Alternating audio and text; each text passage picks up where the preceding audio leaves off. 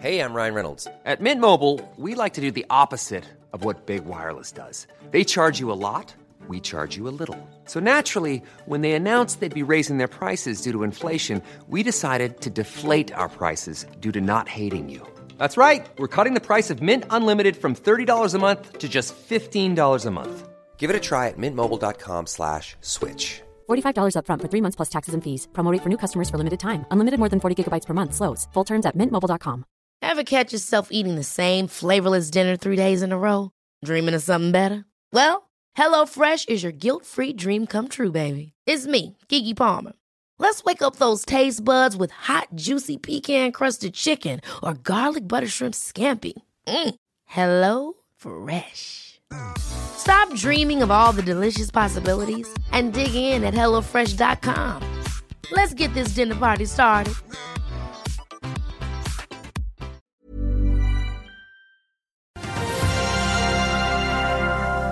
Proximar lander finansieringsavtale, og Strongpoint er ute med tall. Vi varmer opp til de amerikanske inflasjonstallene og gjør investor Jan Hademann Andersen akkurat det samme som Bjørn Rune Gjelsten. Det er mandag 13. februar. Velkommen til Børsmorgen.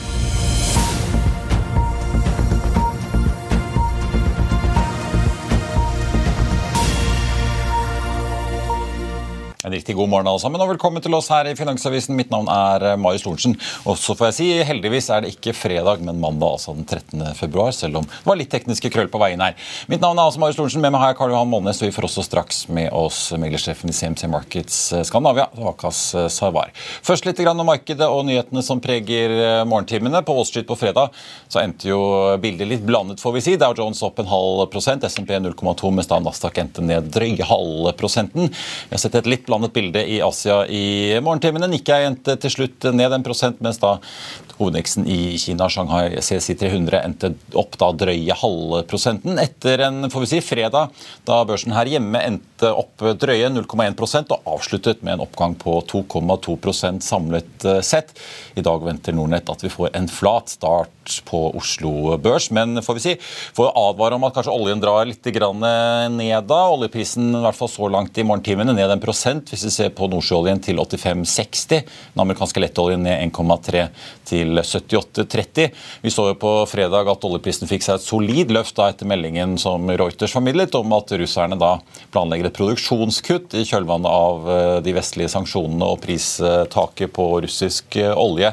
Og Da var jo varselet da at de skulle kutte med en halv million fat dagen fra mars par meldinger som har kommet på morgenen. Den første fra Norse Atlantic hadde en kabinfaktor på ikke mer enn 52% i januar. Halvfulle fly for Bjørn Tore Larsen, altså. En nedgang fra 61% i eh, desember.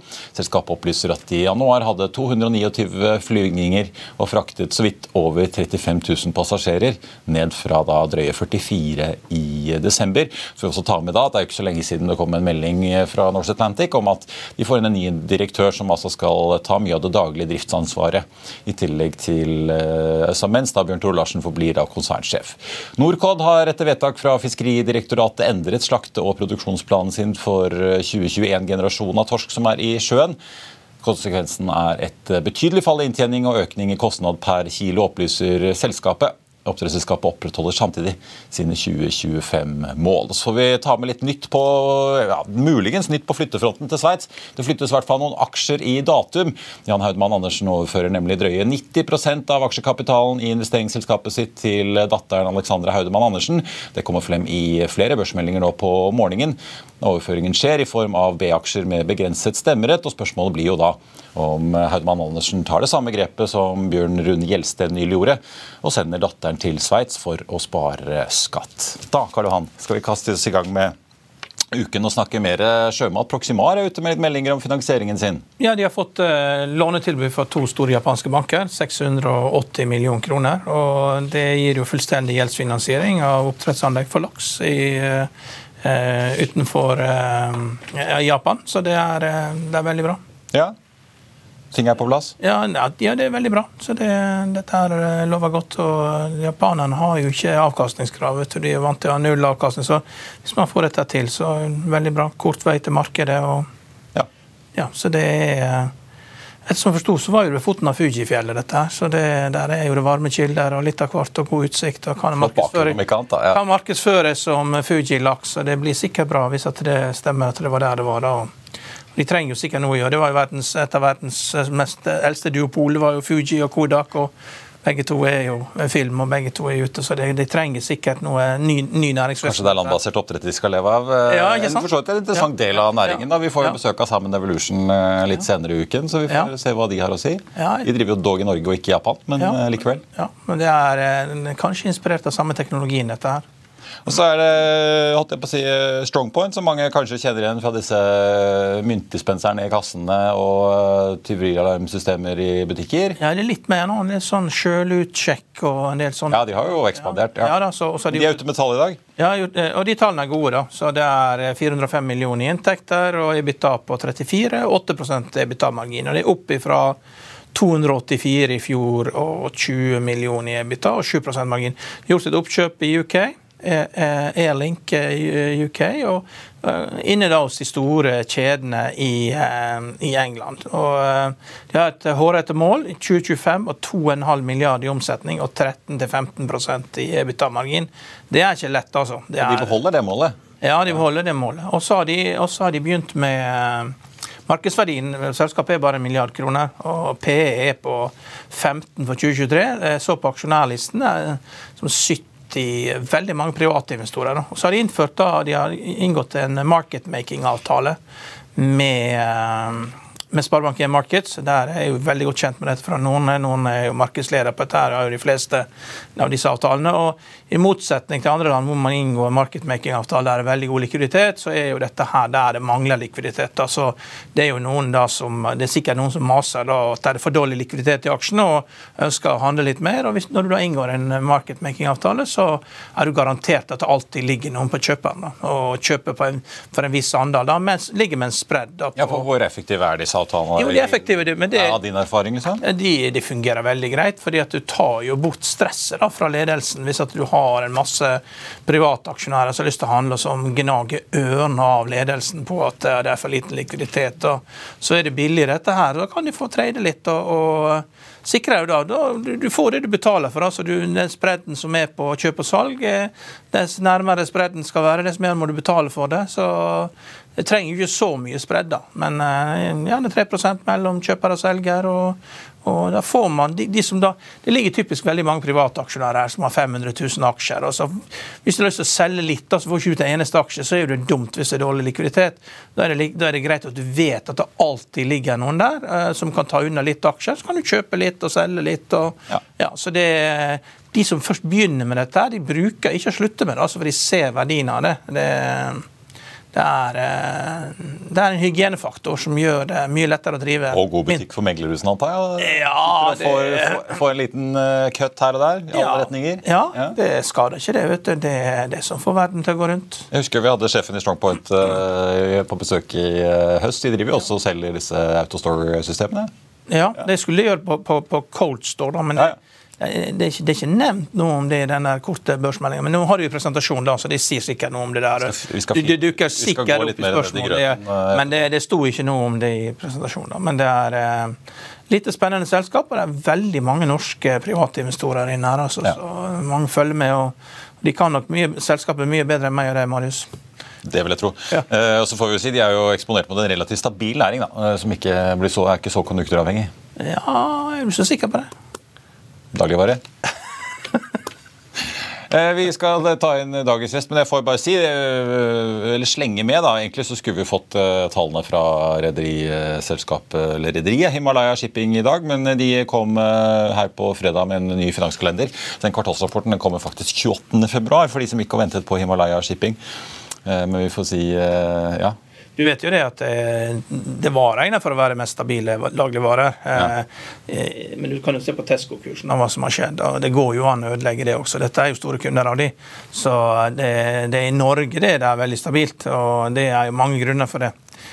Det kunne vi satt av et seminar til. Ja. Strongpoint eh, i hvert fall åpner opp eh, nesten 9 på Oslo eh, Børs. Proximar suser opp nesten 20 på nyheten om finansieringsplanen. North Atlantic opp drøye to etter sin trafikkoppdatering da for januar måned. Og så har vi da Himalaya, som jeg var inne på, som da kommer med kvartalsrapporten mot slutten av måneden 28. februar, opp 0,4 eh, på en børs som starter så vidt ned 0,15% i dag. Vi er straks tilbake rett etter dette. Vil du bli oppdatert på det viktigste som har skjedd innen finans og næringsliv? Da er det bare å følge med, for hver morgen er jeg, Marius Lorentzen og aksjekommentator Karl Johan Malnes på plass i studio for å ta tempen på dagens marked i Børsmorgen. Og hver ettermiddag oppsummerer vi alt du trenger å vite i økonominyhetene, og det blir selvfølgelig masse interessante gjester. Klikk deg inn på fa.no-tv, eller søk opp Børsmorgen og Økonominyhetene der du hører på podkast. Velkommen tilbake. Da skal vi rett og slett ha et lite vorspiel. Velkommen til oss, Waka Sarwar, meglersjef i CMC Markets Skandinavia. For i morgen så er det får vi si, CPI Tuesday, kan vi kalle det det? Det kan vi kalle Det det. var Superbowl i går, og Kansas City Chiefs stakk av med seieren. Men eh, for de makroøkonomiinteresserte og børsinteresserte så er det jo det blir nesten litt sånn mini-Superbowl på tirsdag 14.30 med inflasjonstallene fra USA. Ja, absolutt det. Inflasjonstallene har jo blitt de tallene markedsaktørene følger mest med på. Ja. I tillegg til non-farm-tallene. De overrasket oss jo. Eh, Ja, for Sysselsettingen eh, i januar var jo mye altså Veksten der var jo mye større enn ventet. Ja. Over 500 000 nye jobber utenfor landbruket. Ja, 517 000 nye arbeidsplasser i, i januar. Eh, 4,4 er, eh, lønnsvekst. 3,4% arbeidsledighet. Det er ingen tegn til at det er over. Eh, altså I forhold til de rentehevingene som har kommet de siste tolv månedene, så biter det foreløpig ikke på. Ja, jobbmarkedet. Nei. Nei. Vi har jo sett liksom bilbo... Altså, Det er mye, mye layoffs nå. Det er mye layoffs nå. Og det, det, det raser på. altså. Og kom fredag, også. Ja, Yahoo skal si opp 20 Ja, Det var masse, det masse. men det er masse folk som ansetter, da. Eh, Jo, men, men uh, dette, er- dette er high paying jobs, og det, det tar jo tid før at det får effekter, men nå er det mye, altså. Ja. Og det er store tall. Så det, Folk må jo fly fra Silicon Valley til forsvarsindustrien. Der er det jo masse jobber. Ja. Ja. Ja, det, krever ikke så mye folk, vet du. Det er kapitalintensivt og kruttintensivt, så det, er krever ikke så mye folk. Og, du ser Kongsberg skal bygge, de skal bygge ammunisjonsfabrikk. Det er jo en fabrikk til 1,5 milliard kroner. Fabrikken? Det krever ikke så mye folk å lage dette. Ja, ja. Men eh, ja Hvor, nå, skal, nå er det jo ventet, Vi får jo bare ta liksom konsensustallet. Ventet, nå var jo konsumprisindeksen på hvert fall headlinen på 6,5% i desember. Ventet ned til 6,1, så med Market skrev da forrige januar. Eh, har du sett noe sånn posisjonering i forkant i markedet? liksom? Det det er gjennomgående stor grad av usikkerhet blant våre kunder. Ja. Det man eh, stiller spørsmålstegn ved, er om eh, det verste er over holdt jeg på å si, i den kampen mot inflasjonen. Eh, og Det så vi på de norske tallene på fredag. Da var det en kunde som spurte er det over eller er det ikke over. Ja. Eh, og eh, Det er fort gjort at man får en sånn type overraskelse. Ja, for De norske steg jo altså til 7% fra 5,9 i desember. Ja. Kjerneinflasjonen satte ny rekord. Forrige toppen var i oktober. Ja. Så i Norge er det i hvert fall foreløpig ikke over. Så hvis noe tilsvarende skulle gjenta seg eller vise seg i USA, så, så kan det bli store markedsreaksjoner. Og det blir jo det på dollaren. Vi har allerede sett etter arbeidstallene at dollaren har begynt å øh, styrke seg igjen. Den svekkelsen vi så gjennom eh, januar har reversert seg til en viss grad. Eh, Vi ser det i dollar norske, vi ser det i eurodollar. eh, Og dollar igjen er jo en særegen historie. Ja. Eh, Men eh, rentemarkedet har også begynt å gi tydelige signaler. Eh, Og i mitt hode så må aksjemarkedet begynne å lytte til Fed. Eh, Fed Hva mener du med tydelige signaler fra rentemarkedet? Eh, De korte rentene har steget ca. 40 basispunkter eh, etter arbeidstallene. Så toåringen har gått fra 4,10 til 4,50, og det er omtrent toppene fra oktober-november.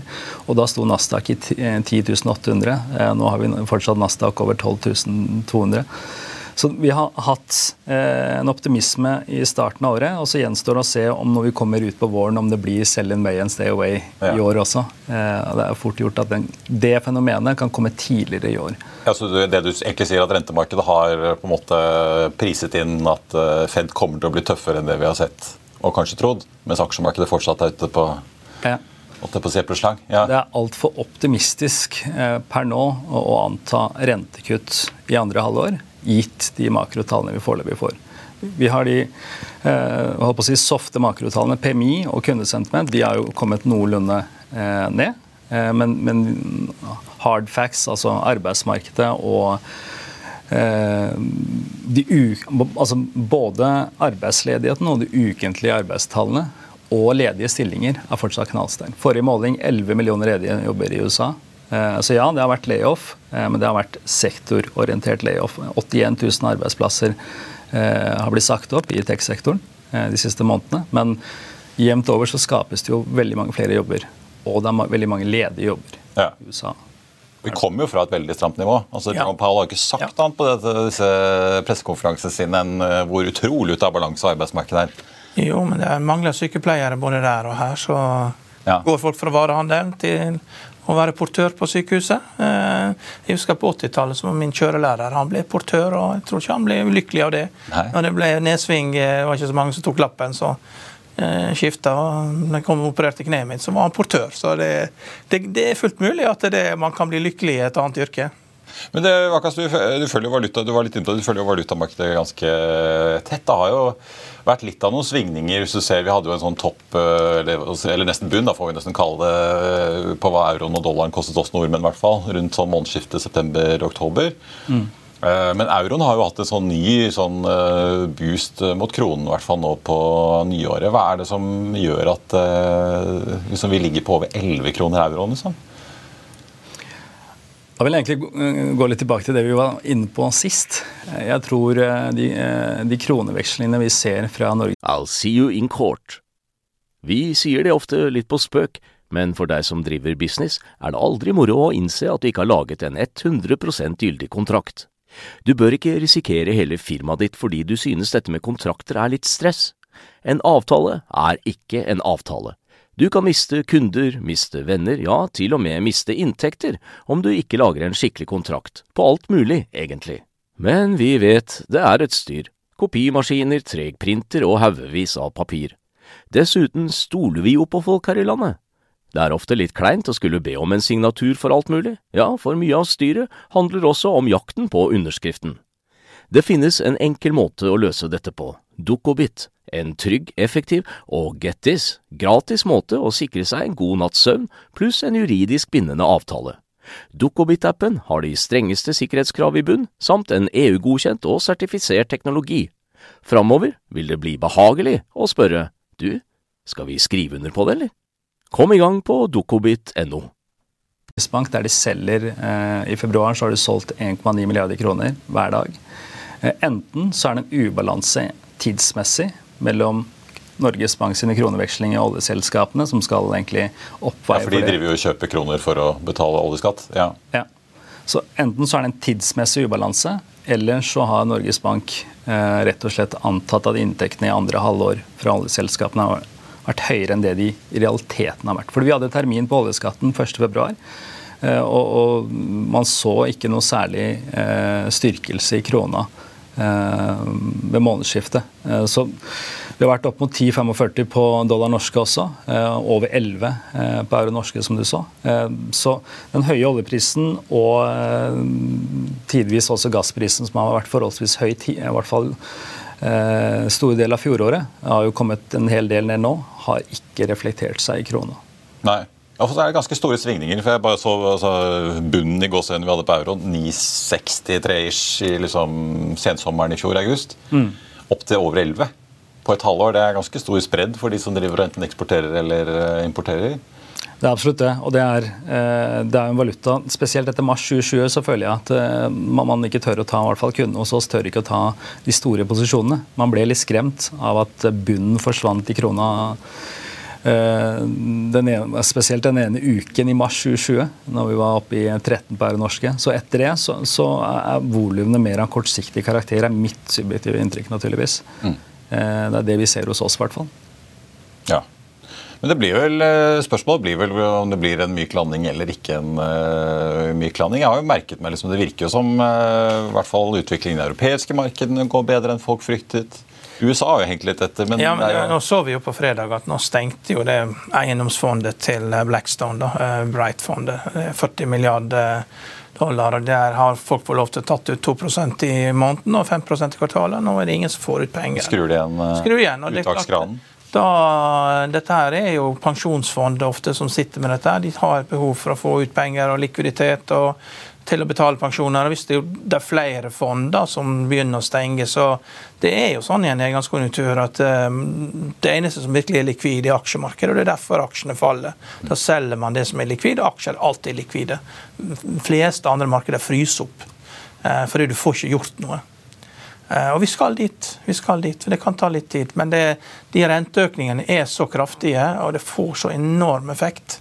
Uh, og i Norge så, Man kan jo spørre seg om det er riktig av Norge å ha dette systemet der du har flytende rente. Kanskje skulle hatt det som Danmark, at uh, alle blir tvunget til å låne uh, på ti år eller mer når man kjøper sine boliger, og at du da får en demping i effekten av renteoppgang. Men, men, vi tar jo ut på valutaen. Da. Det er jo det vi gjør. at Vi lar jo valutaen bli svakere. at det er de som, det akkurat sånn som britene. Britene og, og svenskene og nordmenn vil la valutaen ta støyten. Mm. Eh, Istedenfor å ha et eh, fancy system med fastrenter som Danmark og, og, og USA har. og Tyskland og, og, en del andre land, så låner man jo, leier man jo boliger mye mer enn å kjøpe. så det, det, det, Alle markedene er forskjellige. Ja. Så det, det, er sånn man tenker. Men det er klart det, hvis det blir veldig mye inflasjon, så, så vil jo man, Politikerne vil jo da presse Norges Bank til å la valutaen ta støyten. Det gjør han jo allerede med å ha negativ ja, så, ja, jeg skulle si når det, er liksom, eh, nesten, eller det har vært 11 kroner fikk så mange dager siden ja. for en euro. Da kan du nesten liksom ta tolvgangeren hvis du bruker kort i utlandet. Ja. Mm. Begynner å svi da. Det gjør det. Og det er, det er også en situasjon markedsaktørene har i tankene. Det at vi kan meget mulig være en av de økonomiene med lavest styringsrente mm. eh, inneværende år. Det er antydet en rentetopp på, på 3,25. Eh, fredagens inflasjonstall har fått flere til å indikere at vi får ytterligere renteheving utover den i mars.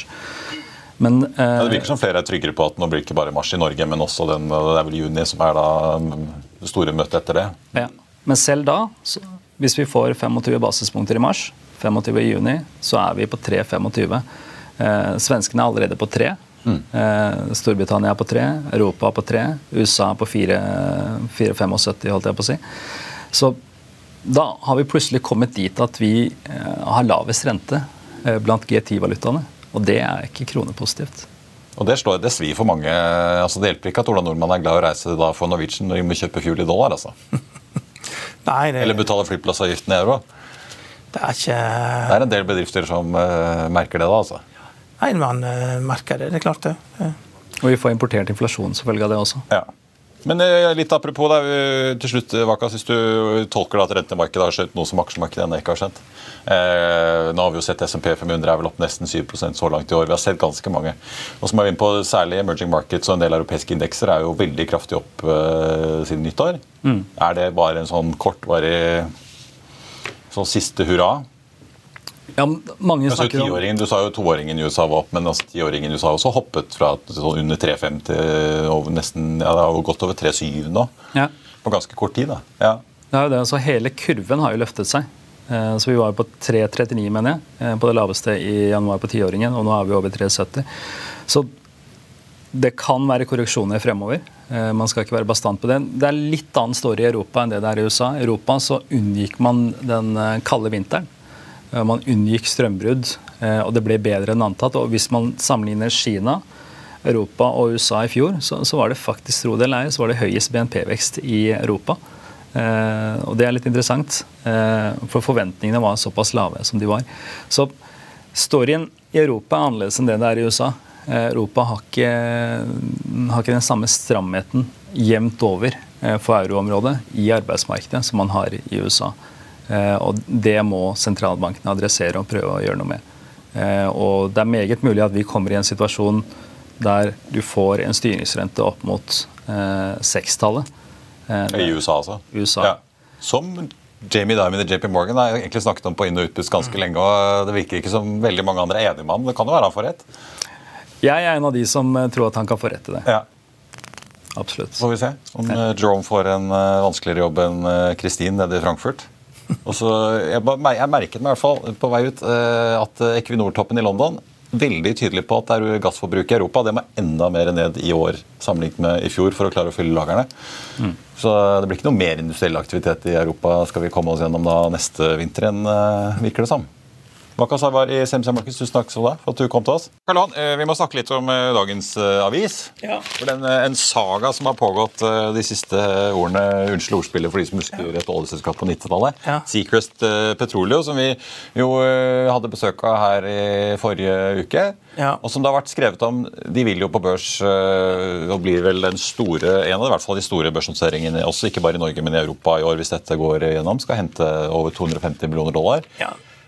Men som vi har sagt om, spriken i verdsettelsen er veldig store. og Nå eh, skrev vår kollega Per Stefan eh, Presterød skivebom for børsdebut eh, at de prises mye lavere på de ti kronene per aksje som de har satt, enn det analytikerne ventet i forkant. Selv under Pareto. Ja, de, disse, disse her må snakke sammen, og, og det er selskapets ansvar å styre analytikerne. Og vi hadde jo eh, Scott Aiken, representant fra eh, Sikkerhets her på fredag. og når vi prøvde å finne ut hva som er forskjellen og Han sier jo at han fra Sparebank1 Markets kan ha rett, liksom. Alle kan ha rett. Ja, for Theodor Svenningsen ligger på liksom over 20 milliarder i Ja, verdsettelse. og- I Pareto ligger på snaue 7. Ja, og så blir det Og pre-money valuation er på 2,2. 2,2, Så ja. henter de ja. 2,2, da, så vi snakker, ja, si pluss-minus 5, da. Du kan ikke ha så stor forskjell på noe når du går, når du går på børs at noen tror det er verdt 20, og andre tror det er verdt 2. Det er Donald Duck, altså. Det, det, så, det, det går ikke. Så noen har feil her, og så så De må prøve å finne ut seg imellom. og Vi har jo også fått innspill på at det, det finnes sammenlignbare selskaper til Sikkerhets Petroleum som er priser Ja, Det er flere som driver på land i Brasil. Ja. på land i Brasil, og, og det mest sammenlignbare der er enda billigere enn dette. her, Så eh, de må rydde opp i dette her, for det, det klarer ikke vi å gjøre. og Vi kan ikke ha en situasjon der eh, man er tigangen i forskjell. Og Sveen er jo en fantastisk flink analytiker, så han har jo mm, fått informasjon som har ledet han til å tro dette, men den informasjonen kan jo ikke være rett. Nei. Så det er, det, dette er feil, og det er selskapets ansvar eh, å rydde opp i dette. her. Nå har de rådgivere, Crux Advisor skal hjelpe dem med dette. her, Men eh, de heller klarer jo ikke å hjelpe til hvis ikke selskapet sjøl gir god nok informasjon. Og de, og de gir samme informasjon til alle. Og hvis, da må du Ja, for De har jo norske og de har også brasilianske og utenlandske meglerhus med i dette her, så det er jo et, et stort Altså- Ja, så Da må man begynne, da må man Ja. begynne med hvordan er, dette, hvordan er sammenlignbare selskaper priser i Brasil. Og Dette her er jo, det er jo salg av eh, eksisterende felt på land i Brasil. Det er jo ikke sånn, eh, det burde jo ikke være så stor forskjell. Eh, Det er jo kolonial liksom, i forhold til liksom, å, å drive og fiske på havet og lete etter ting du ikke vet som er der. Så eh, selskapet må gjøre en bedre jobb. Og, og Oslo Børs bør også har ikke Oslo Børs seminarer for den type selskaper? Altså, har ikke de vært i Rotterdam med en syv-åtte selskaper og, lært dem opp hvordan de skal håndtere det? Du må, du må sørge for at alle er on the same page, altså, ellers blir dette bare sirkus. Ja, så får vi si, vi skal jo sikte, altså Bøkene er jo åpne nå og sikter seg inn mot første dag 20. februar. Men det er ikke et Euronext Growth, eh, Growth-notering, dette her. De vil jo på hovedlisten eller Euronex Expand, så det er jo regelverket rundt noteringen er jo mye strengere. Ja. Ja. Og Vi sa jo det dem at det, når de gikk her, at nå, bare pass på nå at det, dere guider riktig, og at dere leverer på det dere sier. Og, og da sier jo Krux idet det går ut herfra at det er vår jobb å sørge for det. Ok, Men gjør nå jobben, da. da. Kom i gang, få gjort jobben. Vi trenger ikke flere sånne her, eh, tulleselskaper der man sitter og krangler på uh, chatsider på dette er verdt, og det ene argumentet etter at de har slektninger i Brasil, og jeg har vært der nede og sett på brønn og vet hvilke type eh, teknologier de bruker. Altså det, det, dette her kan bli veldig mye surr hvis man ikke blir enige nå ganske raskt om eh, hva dette er verdt. Det er bedre å få en litt sånn stabil eh, kursutvikling fra start, og ikke voldsomme svingninger, kanskje. Ja, og så er her er Altså, Når er det sist at det Pareto, at noen har tre ganger så høy verdi som Pareto? da? Pareto har jo alltid høyest oljeprisanslag. så Du vet jo, du kan aldri slå dem på det. Eh, så hvor er, hvor er det avviket er, da? Ja, Hvor er liksom, hvor er avviket? Hvor er det Og Sveen er utrolig smart, så han har fått feil informasjon på et eller annet. Det er ingen tvil om. Og Sånn kan ikke vi ha det. Ja, Det må i hvert fall være noe i forutsetningene som gjør at man Ja. ja. Det må jo være på en måte noe i eh, enten produksjon, prising av den oljen man får ut. Ja, Altså rabatten mot brent LVTI VTI eller altså, ja. Det kommer feil. Et eller annet med dollar og kroner. eller Et eller annet som, det, er, et eller annet han har fått feil informasjon på. Så får vi jo uh, si De siktet jo først mot å hente 225. Nå er det jo minst 250, og så avhenger jo totalsummen litt av uh, overtildelingsopsjoner og den type ting. Men interessen ser jo ikke ut til å ha vært noe dårlig da, i hvert fall. Nei, men det er jo en lav pris, men du kan ikke, likevel ikke ha en analytiker som er ti ganger så mye verdt som det det settes på. Det, det, det hører ingen sted hjemme. Nei. Og iallfall ikke når det finnes andre sammenlignbare selskaper på børs i Brasil som har gjort akkurat det samme, som er priset enda billigere enn dette her. Eh, Da er det Ja. Man må, man må alltid altså, Hvis ikke du vet hvor frontlinjen er, så ser du spøkelser overalt. Og det er det du fort gjør her, hvis du ikke får etablert hvor frontlinjen er. Hva er riktig verdi? For her, dette selskapet kommer jo til å produsere en avkastning. Ikke sant? Om den er 10% Du kan ikke gi, du kan ikke gi tigangen på et selskap som produserer altså, det er penger, dette. Ikke glem det. Og da kan du ikke liksom operere med altfor store forskjeller i verdi. Og de har lov til å bli utbyttecase uh, innen et år eller to, Ja. så noen vil jo begynne å regne utbyttegild ganske fort òg. Ja, Så det gjelder å ikke få helt eh, feile prosenter. ja. Takk skal du ha, Karl Johan. Eh, Vi er tilbake igjen eh, får vi si, i morgen fra Vestlandet, for vi skal til Vestlandskonferansen og sende fra Grieghallen. Det blir gøy. Ja, Ja. men det, det skal bli spennende å høre. Men det, vi, vi driver, vi er jo ikke noe, dette er jo børs, da. Det er jo ikke politikk. Så vi kan ikke ha 1600 stykker som står i kø for å protestere på lakseskatten. Det, det går ikke. Det har ikke vi Nei. kapasitet til. Men det vi er det enig i, er at det er mye er feil der. Vi må prøve å få tak i andre ting enn det. Kan ikke bare snakke laks eller bare Bergen. Nei.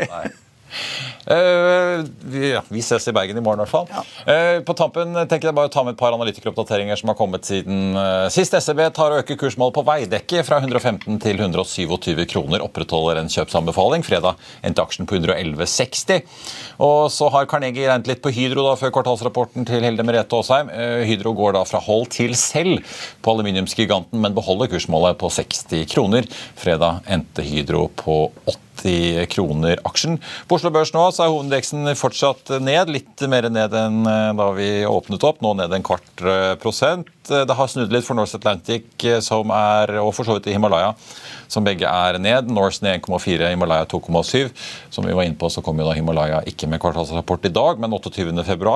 Og så har vi jo da Proximar og Strongpoint. Proximar opp eh, fortsatt veldig bra, selv om de var oppe rundt 20% så er de nå opp eh, litt over 10% på finansieringsnyheten fra Japan. Strongpoint eh, også opp nesten 10% 9,6 da etter kvartalsrapporten. Hvor de i tillegg til å kunne vise til får vi si, solid vekst, også da beholder vekstmålet sitt, som er eh, satt tidligere. Så da blir det vel en god milliardbutikk om ikke så lenge, hvis de når det. Og Det var børsmålen for denne da mandag 13. februar. Husk å få med deg økonominyhetene klokken 14.30. Da skal vi snakke termisk energi, og får vi si, kanskje høre at man ikke trenger verken en vindmølle eller et atomkraftverk i bakgården. I mellomtiden så får du siste nytt på F1 gjennom hele dagen. Ha en riktig god børsdag alle sammen. Vi ses.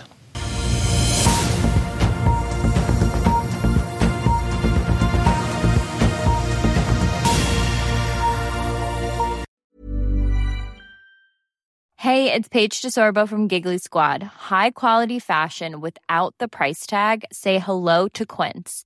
I'm snagging high-end essentials like cozy cashmere sweaters, sleek leather jackets, fine jewelry, and so much more. With Quince being 50 to 80% less than similar brands.